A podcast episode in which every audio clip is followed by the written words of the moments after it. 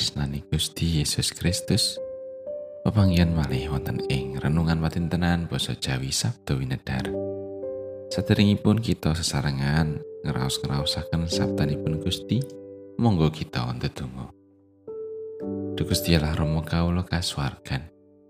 Sedaya puji syukur kunjuk dumateng Paduka Duh Gusti. Awit sedaya berkah pangrimat Paduka ing gesang kawula. Sak menika Gusti kawula nyawisaken manah kawula. Saperlu badhe nampi sabda patuko.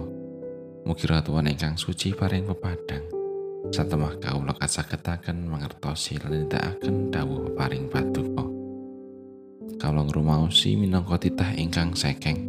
Dereng saged ngecakaken dawuh patuko kanthi sampurna. Mugi Gusti kersa ngapunteni. Sedaya panyuwunan kawula menika kawula unjukaken linambaran asma dalam Gusti Yesus Kristus. Amin. Maosan kapendhet saking Injil Lukas bab 19 ayatipun 11 dumugi 17. Gusti Yesus banjur paring pasemon marang wong kang padha ngrungokake pangantikane. Sebab tindake wis cedhak kutha Yerusalem sarta panyanane wong-wong mau yen kratoning Allah bakal enggal kababar. Panjenengane banjur ngandika, ana sawijining priyagung tindak menyang ing tanah adoh bakal kaju menangke ratu ana ing kono nuli kundur. Banjur nimbali abdine 10 padha kapasrahan duit 10 mino pangantikane. Duit iki anggonen dagang nganti tumeka sak kundurku. Nanging panjenengane iku disengiti ing ing negarane.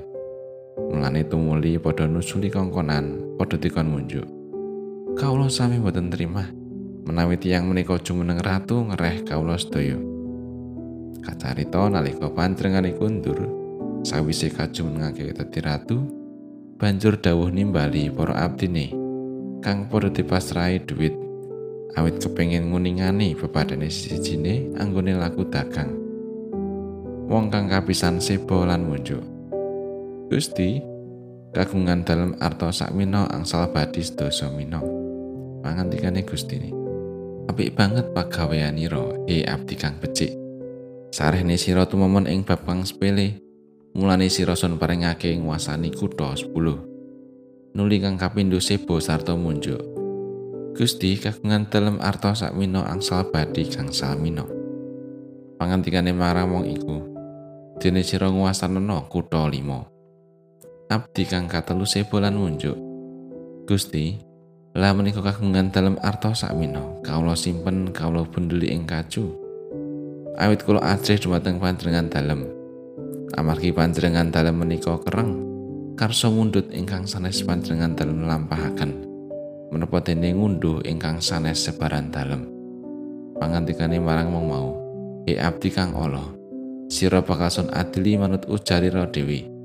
Sira wis mangerti menawa ingsun iki wong kang kereng." kang mundut kang ora son lakokake sarta ngunduh kang dudu sebaran ingsun yen mangkono yo kene dhuwit ingsun ora sira pasrahake marang wong kang lakokake dhuwit supaya sarawuh ingsun kena sun pundut dalah saanakane banjur ngandika marang wong kang ana ing kono jebuken dhuwit sak mino iku wenehna marang kang gawa 10 mino unjuke wong mau Gusti pun sampun bektos dosa mino. Pare mangsulane, ingsun pitutur marang sira. Saben wong kang duwe iku bakal kaparingan. Nanging kang ora duwe iku bakal kapundutan. Iya dalah kang kaduwe. Nanging kabeh satrune ingsun iki kang padha ora seneng menawa ingsun jumeneng dadi ratune. Iku padha sira latih nomrene. Padha patenana ana ing ngarsaning ingsun. Mangkatan pangandikanipun Gusti, ayat natseng ayat pitulas pangantikane gustine apik banget pagaweanira he abdi kang becik. Sarehne sira tumemon ing bab kang sepele. Mulane sira son paringake nguasani kutha 10 wonten ing tata gesanging peladosan. Pasawanipun Gusti saged kaperang dados kawan kelompok. Inggih menika saged lan sagah saged ananging boten sagah boten saged ananging sagah saha boten saged lan boten sagah wonten pasamuan ingkang sregep lelados lan pancen pinter wonten pasamuan ingkang setosipun gadhahi kasagetan ananging boten purun lelados. Wonten pasamuan ingkang sanadyan winates ing kasagetan ananging sregep lan wonten ugi pasamuan ingkang rumaos boten saged menapa-napa setemah boten purun tandang damel ing peladosan. Pangantikanipun Gusti dinten menika ngengetaken bab peladosan kita dumateng Gusti. Tiang pitados kagambaraken kados dene abdi ingkang sami kaparingan arta mino nalika katilar bendaranipun. Sedasa abdi sami-sami pinitados migunakaken arta minangka wau kangge dagang. Sakundur bendaranipun para abdi kala wau kadhawan nyuwanaken tanggal jawabipun. Sanadyan nampi arta mina ingkang sami, ananging beda anggenipun migunakaken lan ngrembakaken. Wonten ingkang ngasilaken sedasa mina, wonten ingkang sengsal, lan wonten ugi ingkang namung kesimpen ing kacu. Tentu bendaranipun langkung remen lan paring ganjaran dateng abdi ingkang purun migunakaken arta mina menika kanthi sae. Ugi temen satemah badinipun langkung kathah. Para abdi ing pasemon bab arta mina menika gambaran para tiyang pitados ingkang sami nenggo rawuhipun Gusti. Bendera inggih menika Gusti ingkang mekrat dhateng swarga lan badhe rawuh malih ngadili sedaya manungsa.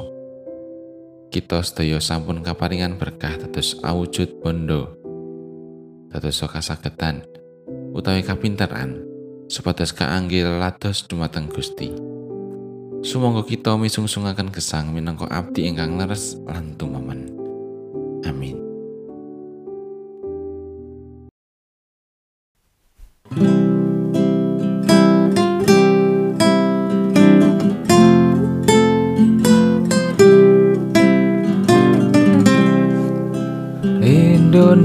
Indonesia negeri endah peparinging Yehuwa. Milo kulon dongaaken mriraharjo wa tentrem